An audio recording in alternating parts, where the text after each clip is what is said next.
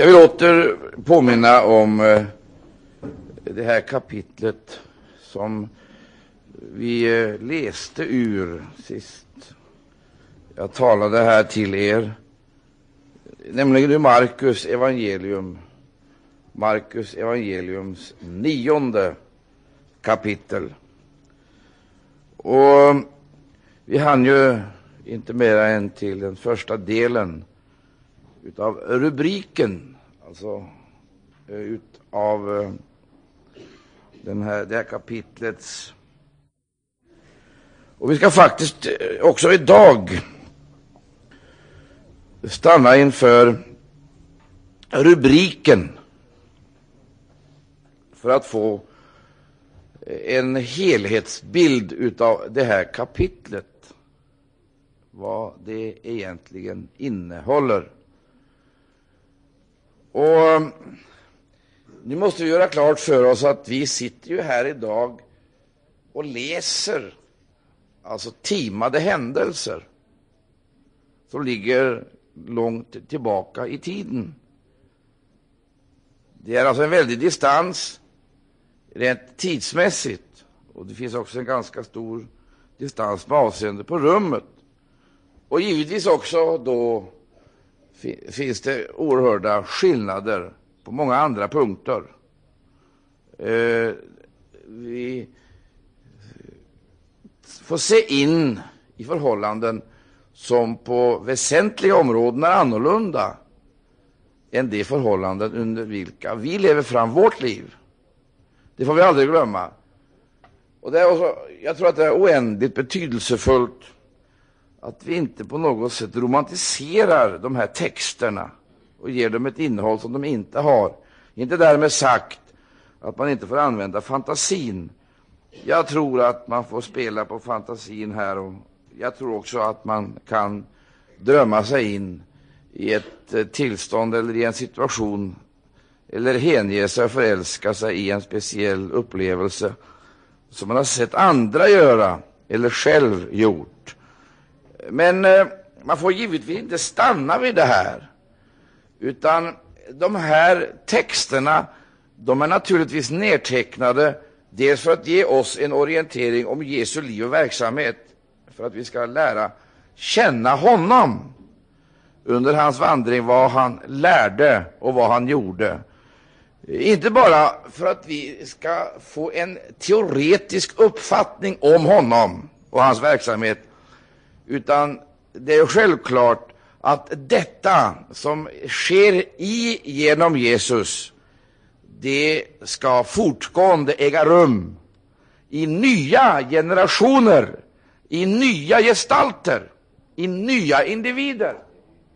Det vill säga, vad vi egentligen har att göra, det är att leva oss in i Jesus situation på ett sådant sätt, eller i lärjungarnas situation på ett sådant sätt, att vi upptäcker att det egentligen är oss det handlar om. Det är mig det handlar om.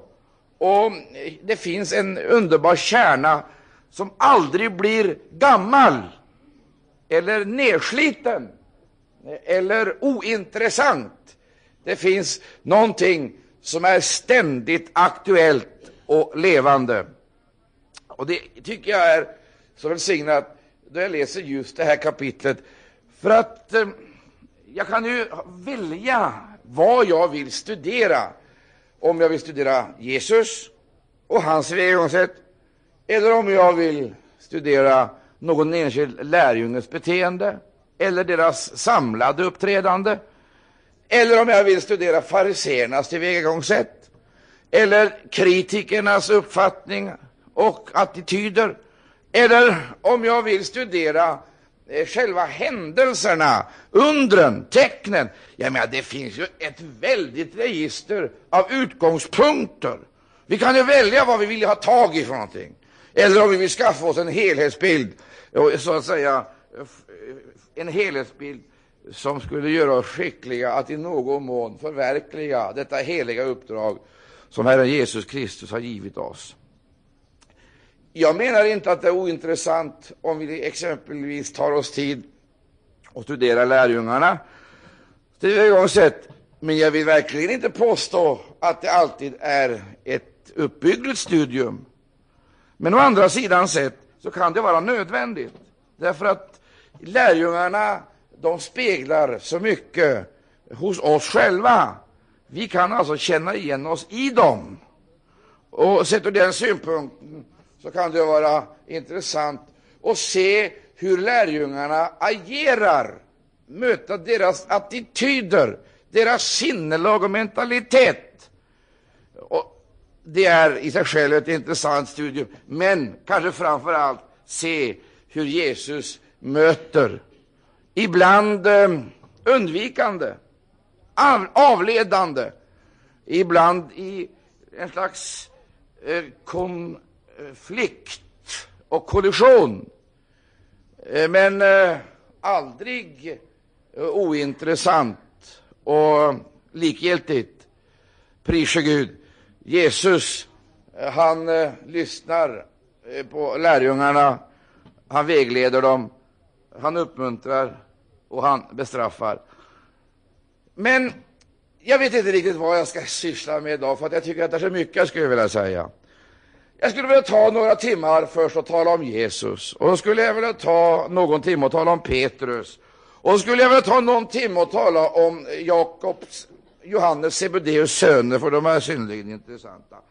Så skulle jag vilja ta några timmar och läsa lite om Thomas, som ju blev apostel i Indien och som slutade sina dagar som apostel eh, i eh, ett annat, på en annan, i en annan världsdel.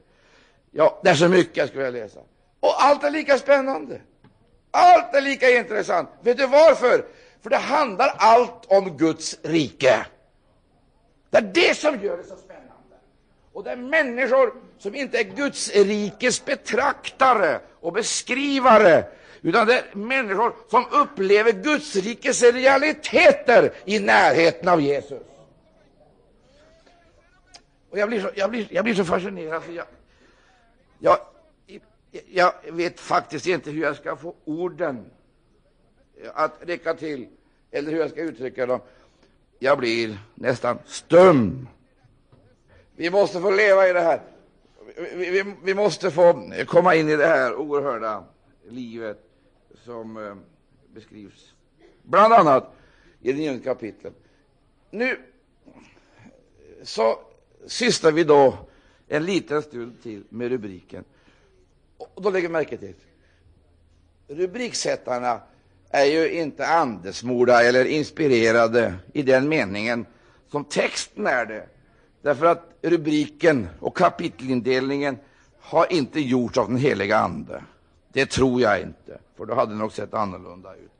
Det är Bibelkommissionen som har gjort det.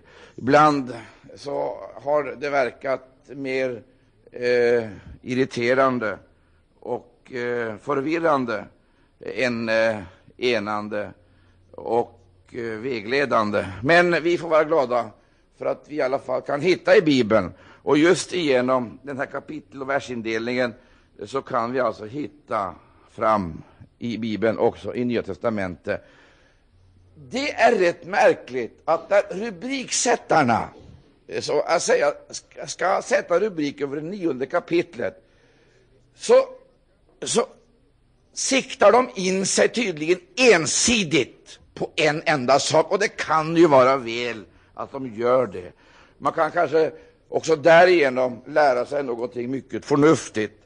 För det heter Jesus bemötes i sin fädernestad med förakt. Jesus sänder ut sina tolv apostlar. Johannes döparen halshugges. Och så, Jesus bespisar 5000 män, går på vattnet, botar sjuka i Genesarets land. Att inte ni har sagt amen fem gånger redan förvånar mig. För det är, ju, det är ju under på under. Det är ju under på under. Det är bara under, det är under över under. Ja. Och sen så går vi rakt till nionde kapitlet i Markus evangelium.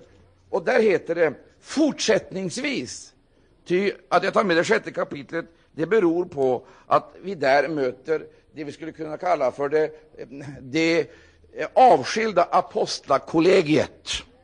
Och där har vi hela katalogen.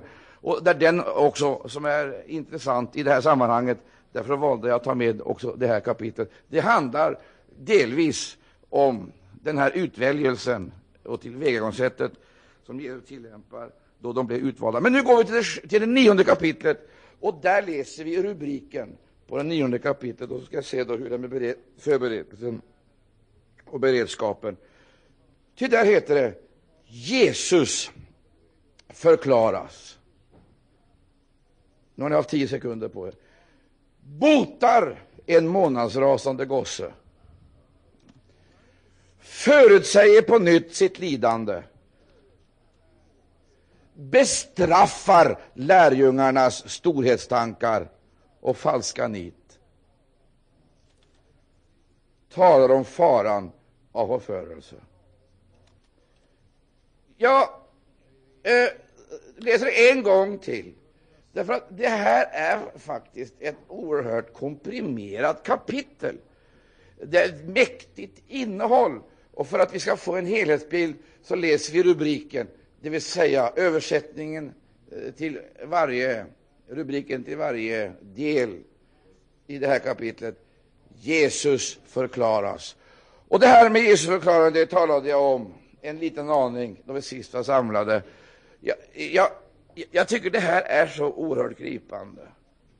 Det är så kolossalt gripande. Jag vill inte här eh, på något sätt stympa eller förstöra texten genom några som helst analogier, alltså jämförelser eller paralleller.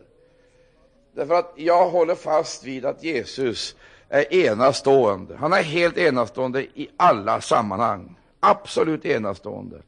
Men jag blir så överväldigad av denna himmelska känsla, denna förnimmelse av helighet och rättfärdighet, då vi upptäcker att eh, den inneboende härligheten bryter igenom den fysiska kroppen.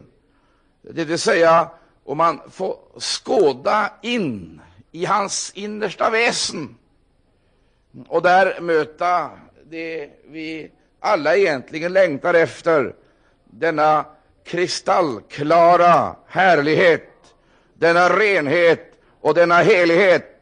Eh, det vill säga, Jesus är livet, han är ljuset och det sanna livet och det verkliga ljuset utan några eh, som helst inskränkningar eller några lyten eller brister. Och denna härlighet bryter alltså igenom på ett så påtagligt sätt så lärjungarna egentligen inte vet hur de ska kunna jämföra detta de ser med. De söker jämförelser men hittar ingen. Och de tar till det som låg dem närmast.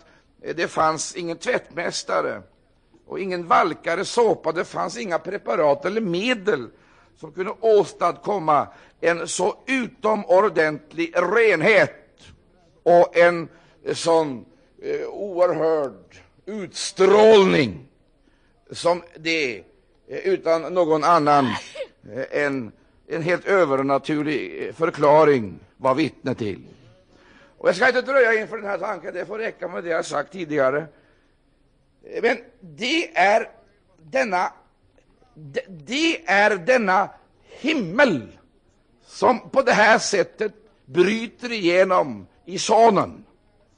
Denna härlighet som är ojämförbar.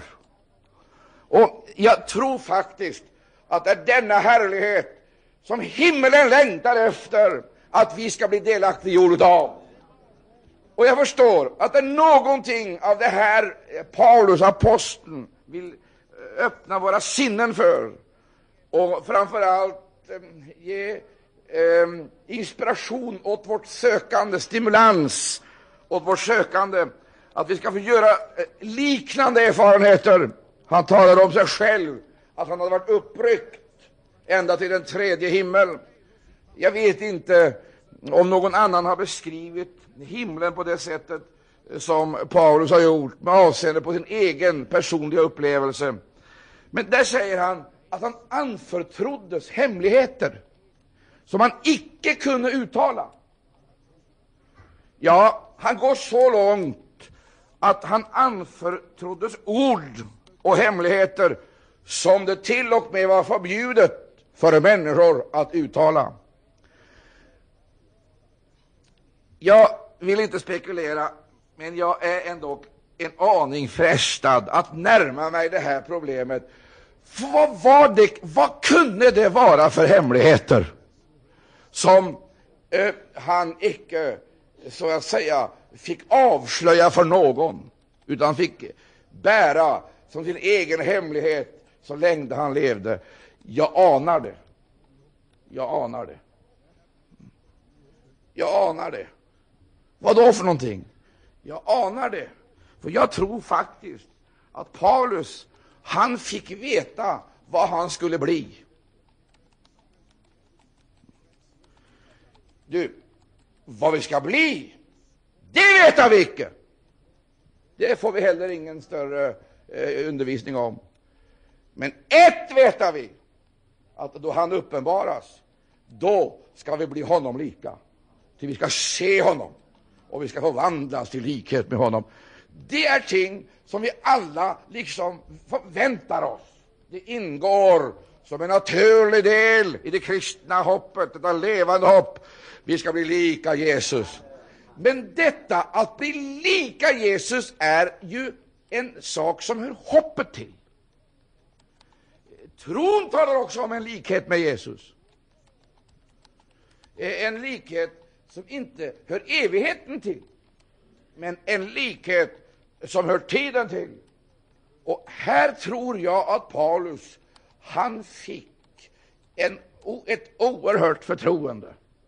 Han fick veta om den position som tron hade försatt honom in i. Och jag skulle vilja säga så här. Jag tror att himlen avslöjade för denna himmelens tjänare vilken ställning han hade. Ty Paulus, han var ingen dussin människa. Han var en nyckelperson. Och han var en, en maktfaktor i tiden, och det fick han kunskap om. Han var en maktfaktor.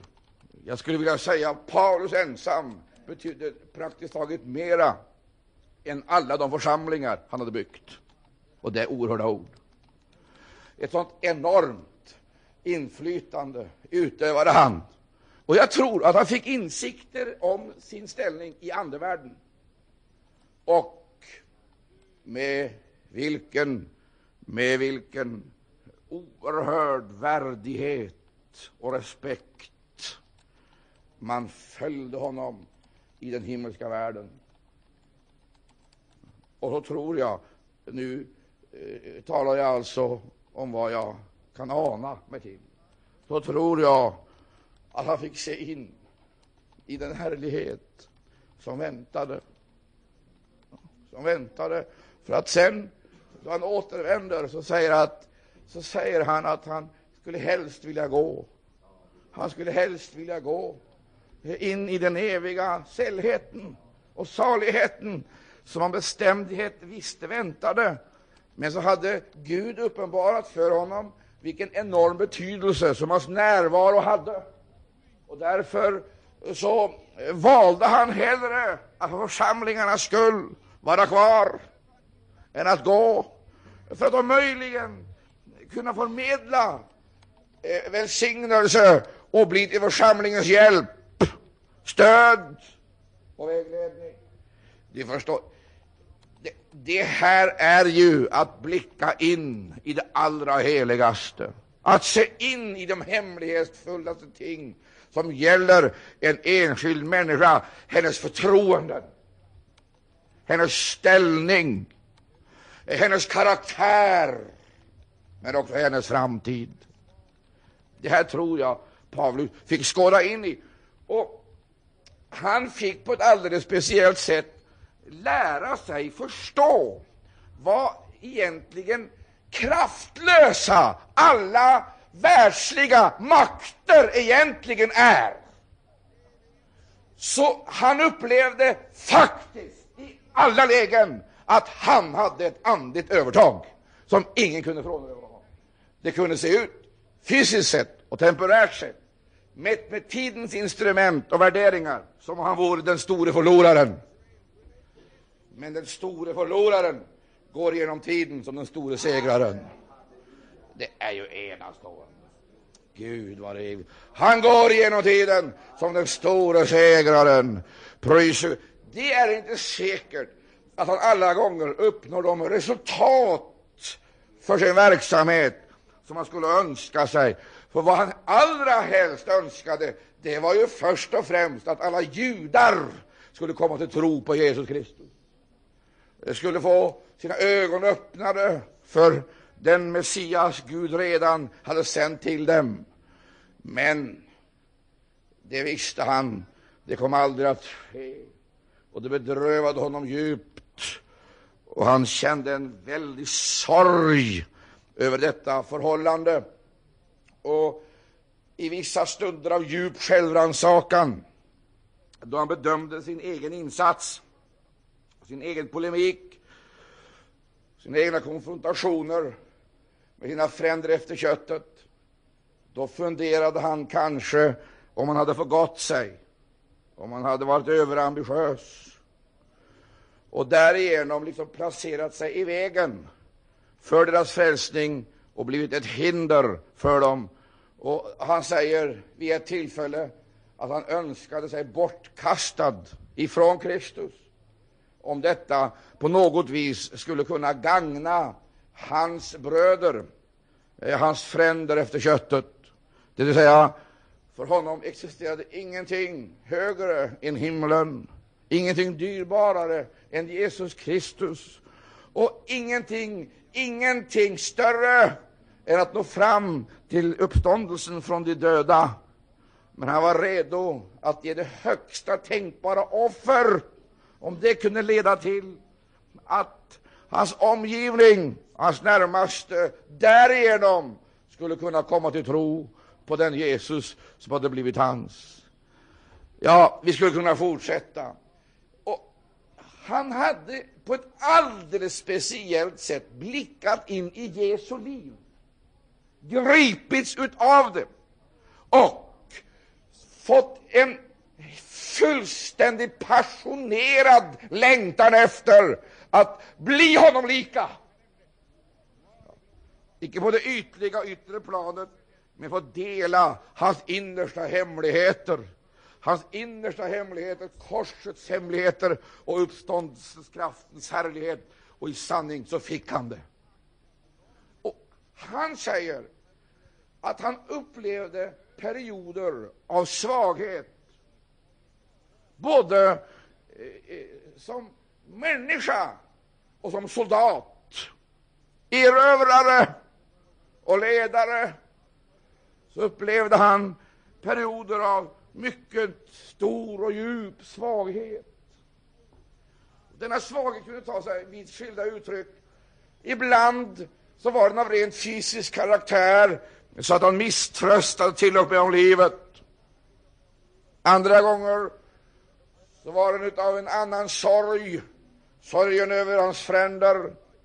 Återigen så var det en djup bedrövelse över dem som avföll, som började i anden men lyktade i köttet. Återigen så var det en djup nöd och vånda över de olika församlingarna och deras väldiga kamp. Och här känner du den begränsade människan. Han skulle vilja frälsa judarna, men kände sin begränsning. Han skulle vilja frälsa sina, han skulle vilja frälsa dem som höll på att avvika. En Demas som av kärlek till denna tidsålders väsende hade övergivit dem. En Markus Johannes som upptäckte och upplevde arbetet alldeles för påkostande och mödosamt och därför vek sig och lämnade kretsen av medarbetare och skaffade sig en annan framtid, åtminstone under en period. Han skulle vilja nå församlingarna i Kolosse, i Efesus, församlingarna i Laodicea, Filippi, som han hade sett grundas. Han skulle vara med, vilja vara med i Efesus och följa utvecklingen och påverka den.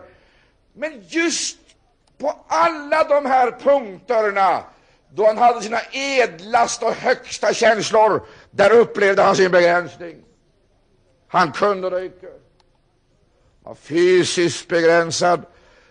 Men då, i denna oerhörda svaghet och denna oerhörda begränsning, så upplevde han att kraften fullkomnades. Han kraften fullkomnades. Så rätt vad det var så grep denna gudomliga kraft tag i honom på ett sådant sätt att den sprängde geografiska gränser så att han kunde vara närvarande i anden men frånvarande i köttet. Det är märkligt.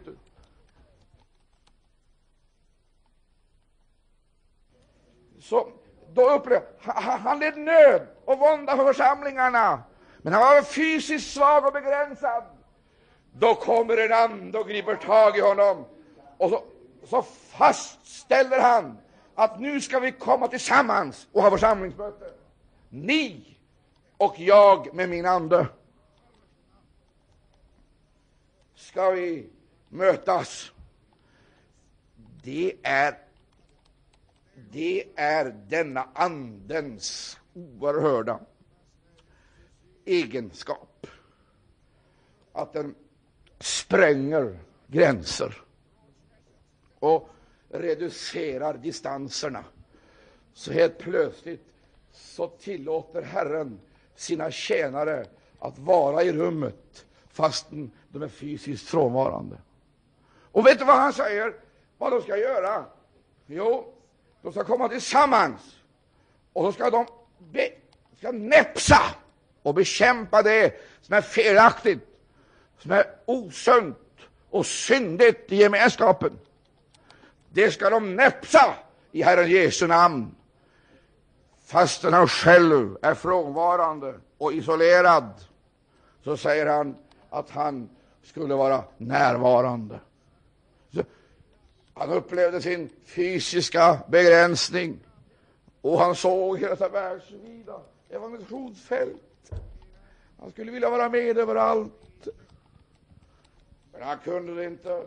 Men en och, en annan, en och annan gång så sprängde Gud liksom det geografiska rummets gränser och så fick han vara med. Vara med i själva skeendet, inte som åskådare, men som vägledare. Syskon, detta är väl för underbart? Men det är också på andra områden som vi ser hur Gud liksom spränger hans begränsning.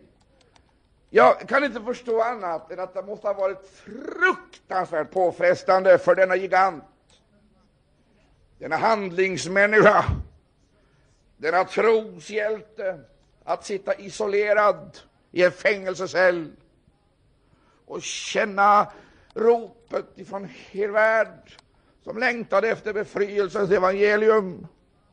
O, vilken vånda han stundtals skulle ha förnummit och känt i sitt liv.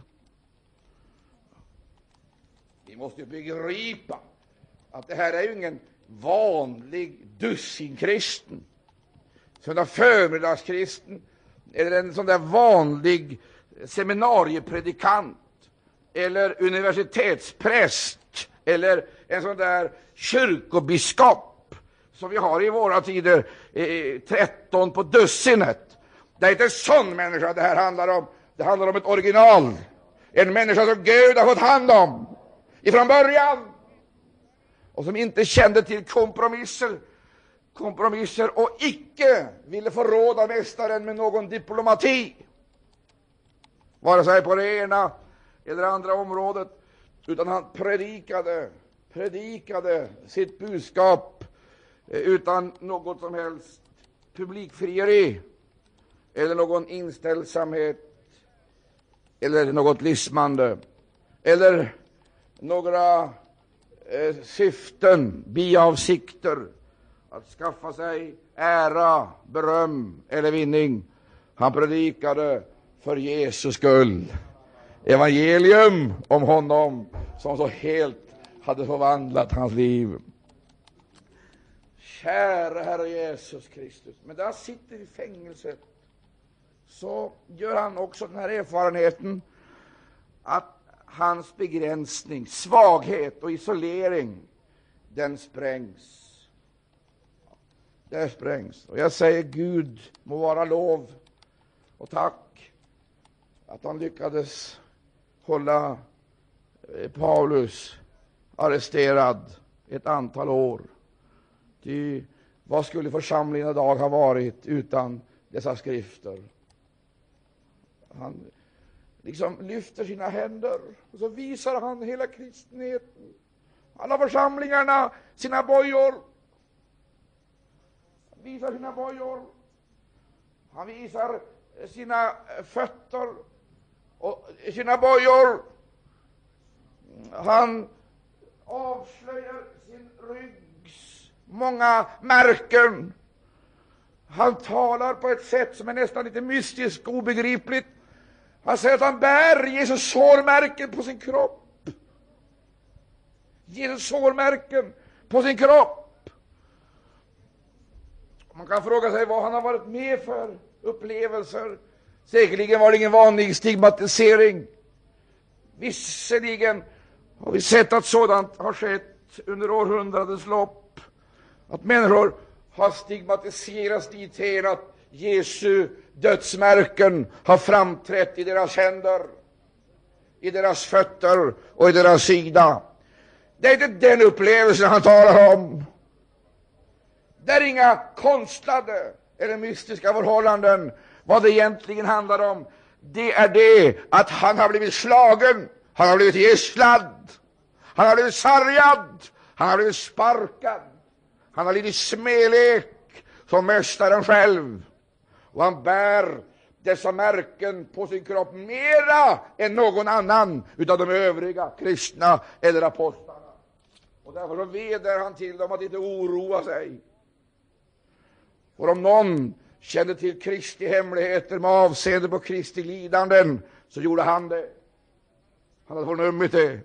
Han hade delaktiggjorts utav det. Och jag kan inte nalkas de här tingen utan att jag känner att mitt hjärta bävar inför dessa heliga och underbara, för jag måste trots allt säga underbara skildringar utav en människas totala identifikation med Mästaren. Lika honom i ande, lika honom i fysiskt, psykiskt och annat lidande, lika honom då det gäller att spränga rumpbegreppen, lika honom då det gäller att utgjuta sig till det yttersta för att vara med, bygga upp och proklamera Guds rikes seger. Och i allt det här som han talar om och framhåller, i allt detta så säger han, då han skriver till en prövad ung evangelist som hade drabbats av många hårda slag och stötar och tydligen också därigenom resignerat eller var på gränsen till att uppgivas. Då kommer han, uppmanar honom att uppliva den nådegåva som finnes i honom. Ty, säger han, Gud har icke givit oss missmodets ande, halleluja, utan kraftens, tuktighetens och kärlekens ande. Och det är den fångne som säger detta till den frie.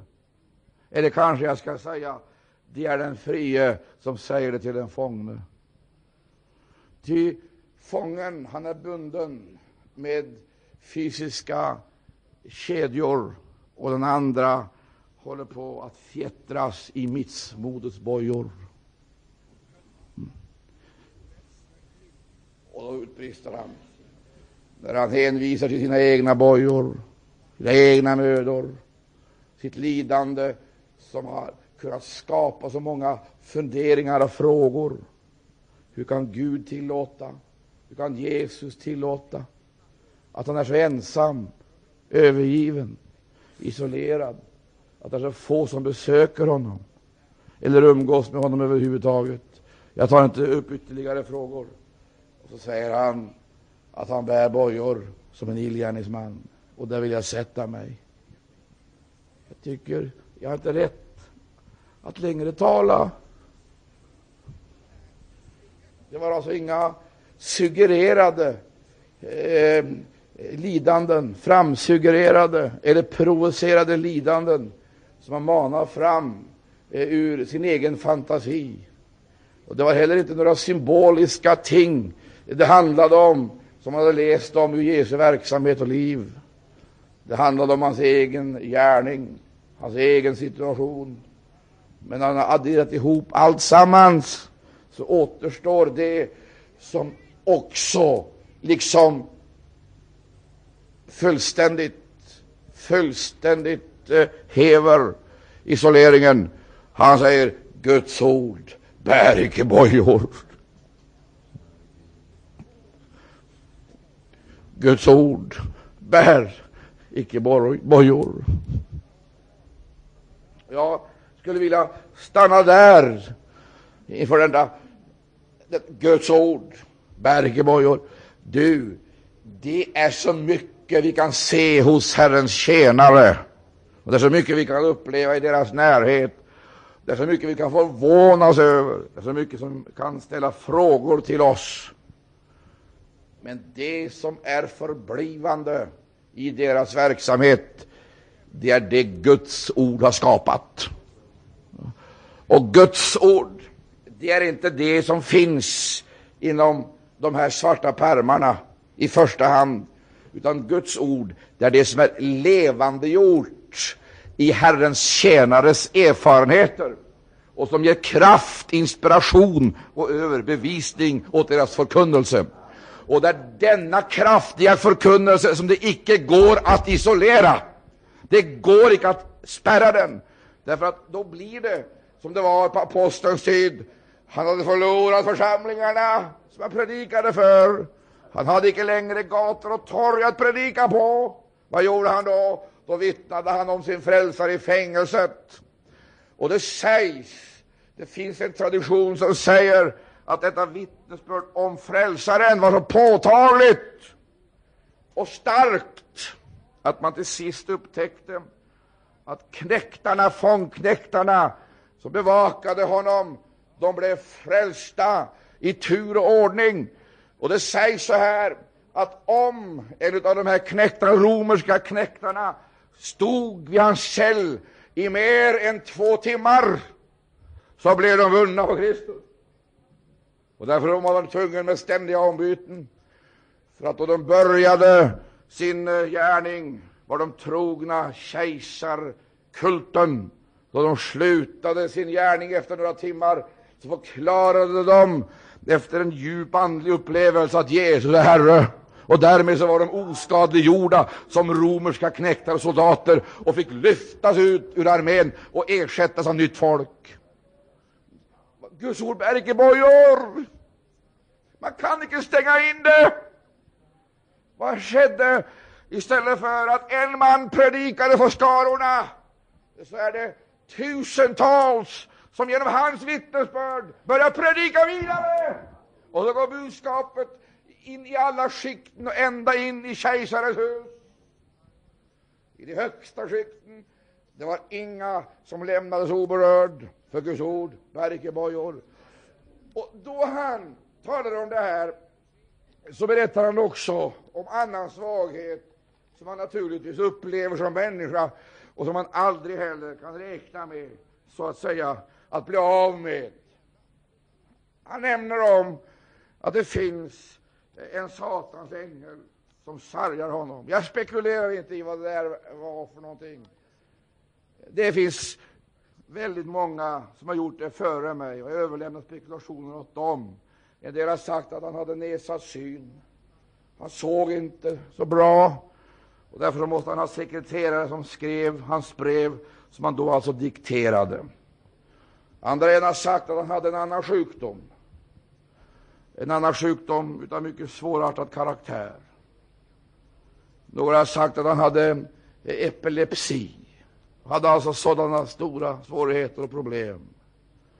Några har gärna sagt att han brottades med andra eh, problem som gällde familjelivet. Återigen, någon har sagt att han hade rent teologiska problem i konflikten med de falska apostlarna. Så att den här taggen i köttet, det skulle vara de falska apostlar som praktiskt taget följde honom som en svans överallt där han hade grundlagt församlingarna.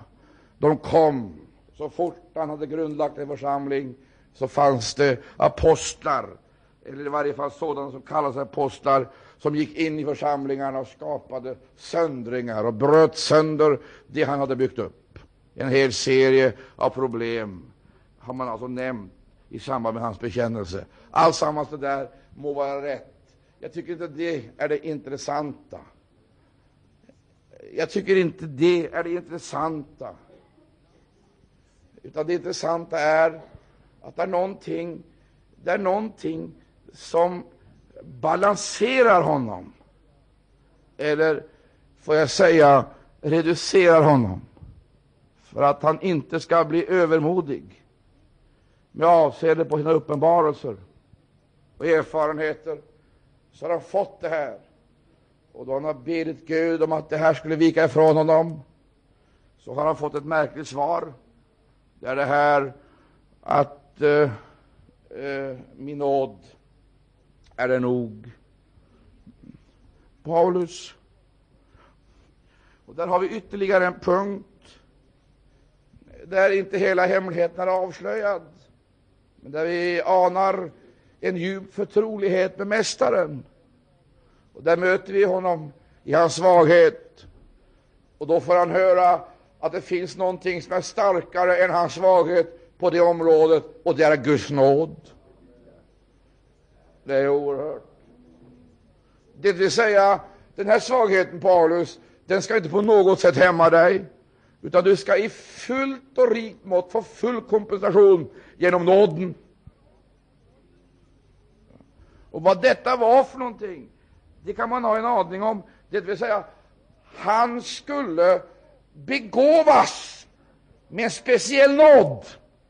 Och där tror jag att jag vågar påstå detta handlade om att han fick särskilda nådegåvor.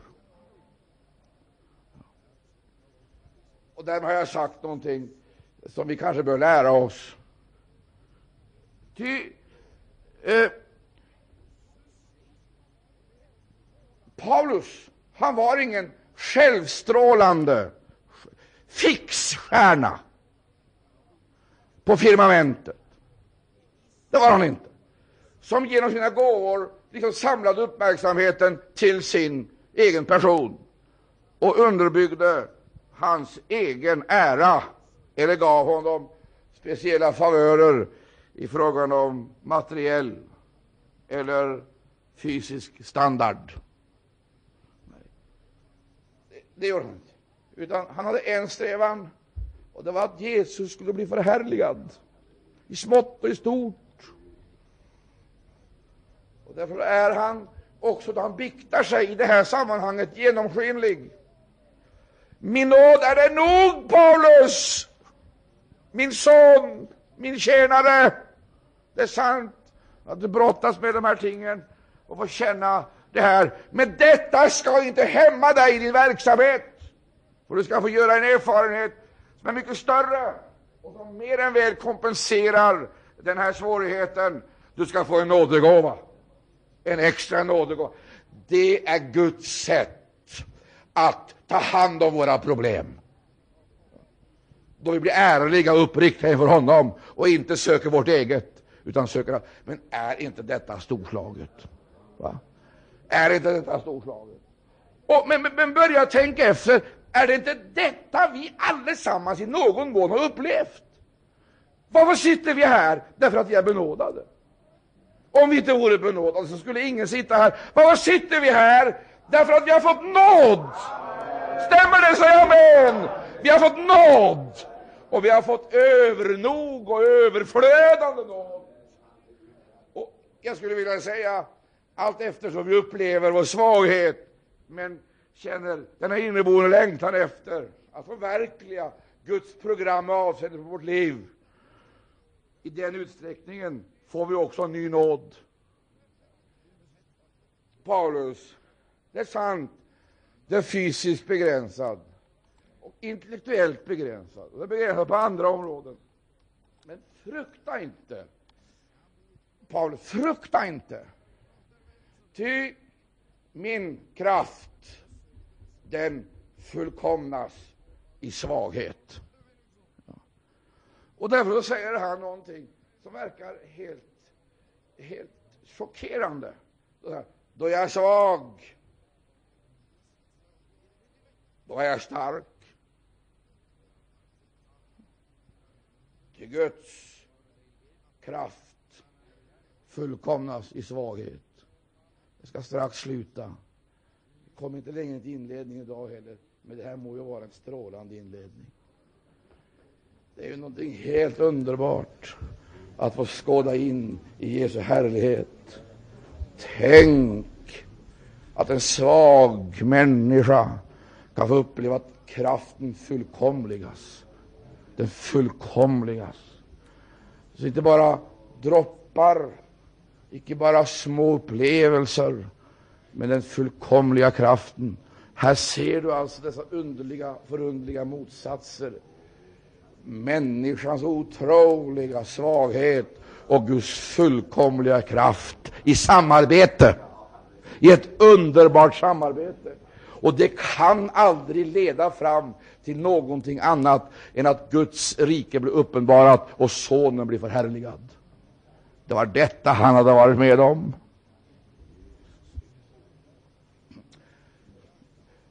Och ja, Gud har evigt lov. Gud har evigt lov. Det är in i det här livet som man vill leda de andra. Det vill säga, det du möter på förklaringsberget, det du ser ta gestalt i Paulus liv, det är detta den kristna församlingen ska förkroppsliga i alla tider. Det är inte våra, det är inte våra prestationer och våra egna eh, insatser eh, som ska förhärliga Sonen. Tvärtom, det är när vi avkläder oss all världslig glans och ära, all tilltalande, imponerande prakt som duperar eller skapar eh, ett slags idolstämning och attityd. Människoförgudning och självförgudning. Allt detta ska avklädas och ska vi iklädas Kristi härlighet. Det innebär att det yttre det blir bristfälligt, det blir svagt. Det blir föga tilltalande eller imponerande. Men under så finns den himmelska kraften som spränger våra begränsningar och uppenbarar Guds eviga, oändliga och bestående härlighet. Tänk vad mycket vi har att lära och tänk att vi får lärare! Är det inte underbart? Låt oss därför öppna oss för honom som vill komma till oss var och en för Jesus skull. Amen.